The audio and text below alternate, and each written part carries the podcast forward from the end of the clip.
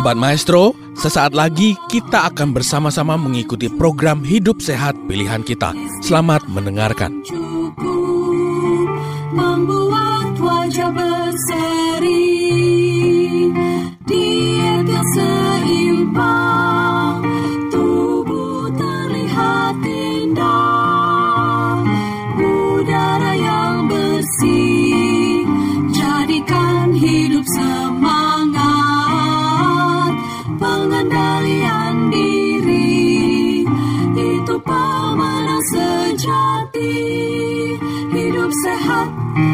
anugerah Tuhan hidup sehat sangat berharga sepuluh hukum kesehatan Salam sejahtera bagi kita dan salam sehat. Pada saat ini, perkenankanlah saya membawakan satu seminar kesehatan yang berjudul Usus otak kedua. Benarkah tubuh manusia ini mempunyai otak kedua? Bukankah kita mempunyai organ otak sebagai pusat susunan saraf di kepala kita yang mengontrol semua fungsi, pikiran dan refleks-refleks yang ada dalam tubuh kita. Tetapi dalam pengembangan ilmu pengetahuan diungkapkan bahwa ada sistem pencernaan usus kita yang merupakan otak kedua dan otak kedua ini merupakan image dari kesehatan secara prima. Sistem pencernaan dari lambung dan usus ini merupakan satu sinyal yang menyatakan bahwa tubuh kita ini berada dalam kondisi sehat apabila kondisi selaput lendirnya lambung dan usus ini benar-benar sehat, tidak ada gangguan apa-apa, tukak,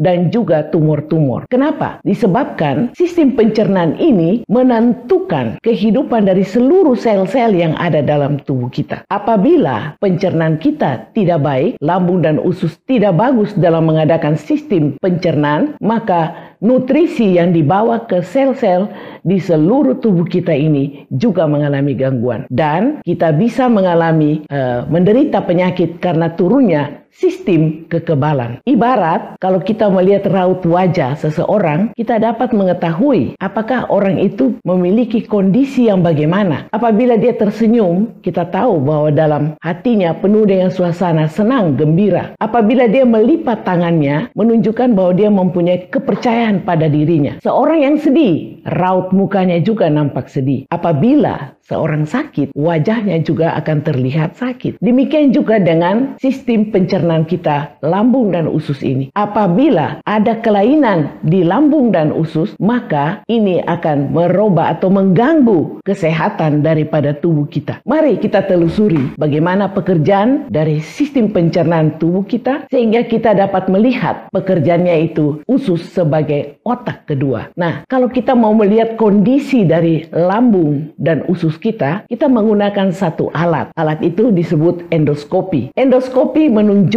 bahwa lambung dan usus sehat apabila selaput lendir dari uh, lambung dan usus itu berwarna merah jambu, tidak ada tonjolan-tonjolan yang abnormal di sana pada permukaannya dan tidak nampak pembuluh-pembuluh darahnya. Bahkan permukaannya itu tampak berkilat pada saat memantulkan cahaya dari endoskop. Nah, kalau lambung yang tidak sehat akan kelihatan tukak-tukak di sana atau dia mengalami peradangan, maka pembuluh-pembuluh darah dengan jelas akan terlihat. Mari kita melihat bagaimana pekerjaan pencernaan kita. Lambung sendiri dan usus keduanya mempunyai sistem persarafan yang otonom, bersifat komando, bekerja di luar kesadaran. Kita namakan enteric nerve system dan walaupun otak kita rusak, susunan saraf tulang belakang kita rusak, kita tidak akan mengalami gangguan pencernaan asalkan sistem peredaran darah berjalan dengan baik. Nah, persarafan yang ada di lambung dan usus ini mempunyai saraf yang disebut simpatis pada waktu aktif dan parasimpatis pada waktu rileks. Kedua saraf ini dilengkapi dengan adanya uh, sel-sel imunitas. Saraf simpatis ada granulosit dan parasimpatis ada limfosit. Pada waktu bakteri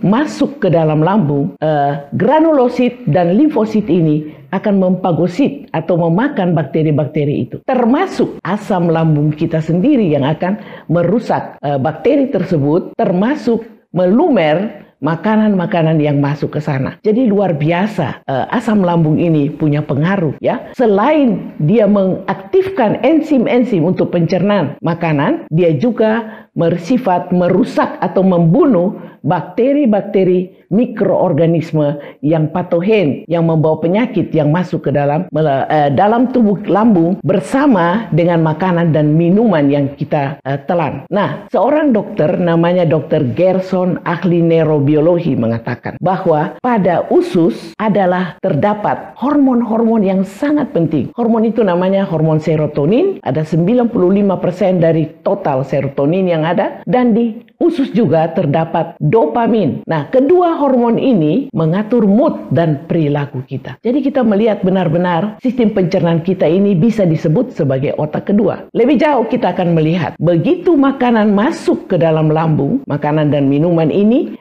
akan di, uh, dilembur atau dihancurkan oleh asam lambung sambil menghancurkan tadi saya katakan bakteri-bakteri yang merusak. Pelumeran makanan ini sangat berguna karena dapat dicerna dengan baik apabila enzim-enzim yang ada di lambung mencerna karbohidrat, lemak, ya, protein yang ada di sana yaitu lipase, amilase, pepsin sehingga akhirnya makanan itu akan mengalami pelumeran. Samping itu, pencernaan dilaksanakan oleh enzim-enzim yang diaktifkan oleh asam lambung. Jadi, apabila kita mengurang atau kita mengalami kekurangan asam lambung, maka pencernaan tidak akan berjalan dengan baik. Enzim tidak aktif. Karena apa? Karena enzim-enzim itu bekerja kalau ada asam lambung. Sehingga akhirnya nanti apabila makanan tidak tercerna baik, masuk ke usus, sampai di usus besar mengalami pembusukan dan akhirnya menyebabkan kita merasa tidak enak. Perutnya kita menjadi gembung, ya. Kekebalan kita menurun.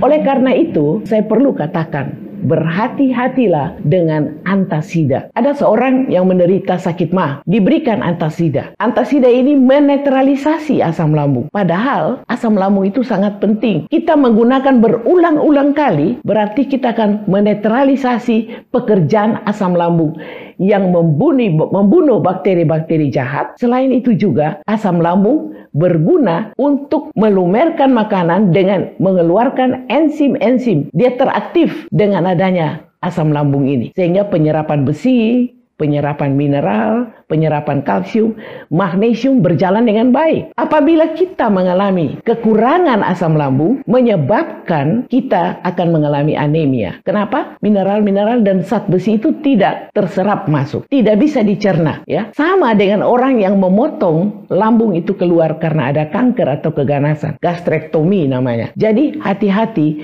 dengan menggunakan antasida ini. Selanjutnya, pengaruh antasida kepada selaput lendir lambung ini ialah dia menyebabkan selaput lendir atau mukosa lambung ini mengalami penyusutan, atrofi ya dan peradangan sehingga kita namakan gastritis atrofi dan pada saat itu berkembang biaklah bakteri-bakteri yang memperburuk peradangan di lambung yang akhirnya menjadi kanker lambung di tempat itu. Ini sudah diteliti di Amerika dari 50% pada orang-orang yang berusia 50 tahun yang menggunakan antasida berulang-ulang kali. Satu hal yang perlu saya ingatkan juga, kalau kita minum teh secara rutin dengan kopi, walaupun teh itu adalah mengandung antioksidan polifenol, tetapi dalam penelitian di Universitas Mi Jepang pada tahun 2014, ternyata penggunaan teh dan kopi yang lama rutin menyebabkan iritasi juga pada lambung kita. Sebaiknya kita tidak menggunakan minuman ini secara rutin. Terjadi juga gastritis erosiva yang bersifat kronis. Satu hal juga yang kita harus ingat terjadi pada lambung yaitu penyakit yang disebut penyakit GERD, gastroesophagus reflux disease, yaitu klep yang ada di antara esophagus dan kerongkongan tidak bekerja dengan baik sehingga asam lambung akan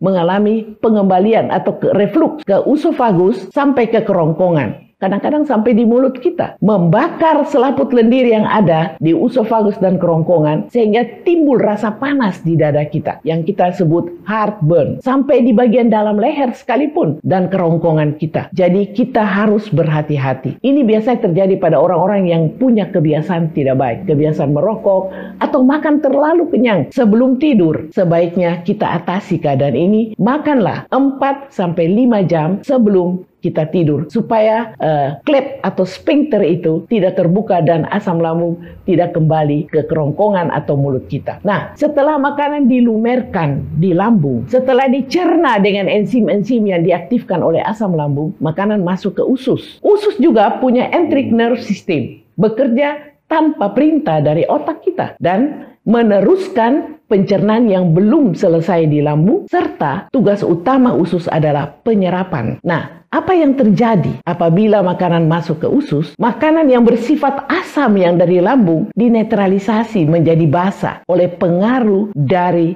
getah pankreas. Luar biasa. Dan setelah dia menjadi basa, pencernaan dan penyerapan dilakukan oleh usus. Dengan cara apa? Adanya bakteri-bakteri yang ada di fili-fili usus. Jadi usus punya fili-fili dan mikrofili lebih kecil lagi seperti suatu permukaan karpet sehingga usus menjadi lebih luas 600 kali lebih luas dan di sana dia mengeluarkan enzim-enzim pencernaan. Luar biasa. Sehingga gula asam amino yang lewat pembuluh darah dan pembuluh getah bening dapat diserap masuk ke dalam darah, dibawa ke sel-sel tubuh kita. Jadi bakteri ini sangat penting. Namanya bakteri probiotik. Dan bakteri ini juga dia berkaitan dengan sistem kekebalan yang tadi saya sebut ada hormon, hormon dopamin ya ada di sana hormon serotonin dan ini dikerjakan oleh bakteri-bakteri probiotik. Tahukah kita bahwa ada 100 triliun bakteri probiotik yang ada di usus kita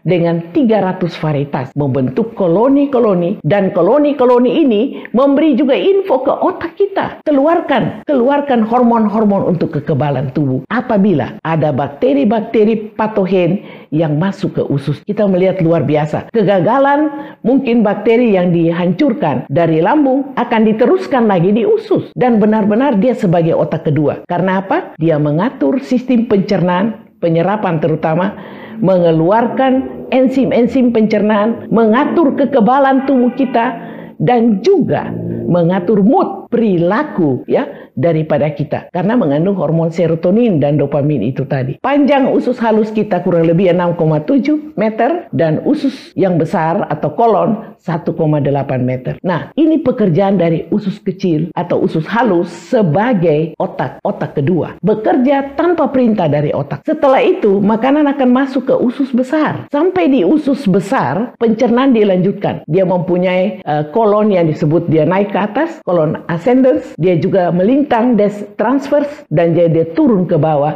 sebagai kolon descendant sampai di ujung sigmoid di mana kotoran kita akan dikeluarkan atau sampah-sampah makanan itu akan dikeluarkan. Jadi, usus besar ini juga berfungsi menyerap air yang ada, membentuk feses yang padat untuk dikeluarkan, menyerap vitamin-vitamin. Ada 700 spesies bakteri yang baik di sana, ya. Bakteri-bakteri ini menjaga supaya racun-racun itu juga bisa dikeluarkan dari tubuh. Dia membuat vitamin, antara lain vitamin K, biotin, ya. Dia mengurangi keasaman, ya, yang mungkin menyebabkan kerusakan pada usus besar itu. Dan pada akhirnya dia juga membentuk antibodi bagi tubuh kita. Jadi kita melihat betapa pentingnya proses dari lambung, usus halus sampai usus besar. Kenapa? Tanpa sistem pencernaan otak kedua ini, maka jumlah sel-sel 60 sampai 100 triliun yang ada di dalam tubuh kita tidak dapat hidup tanpa mendapat nutrisi makanan minuman yang baik dari kita. Dari mana? Dari otak kedua tadi. Sobat Maestro, Anda baru saja mendengarkan program Hidup Sehat Pilihan Kita. Terima kasih atas kebersamaan Anda. Istirahat yang cukup membuat wajah berseri.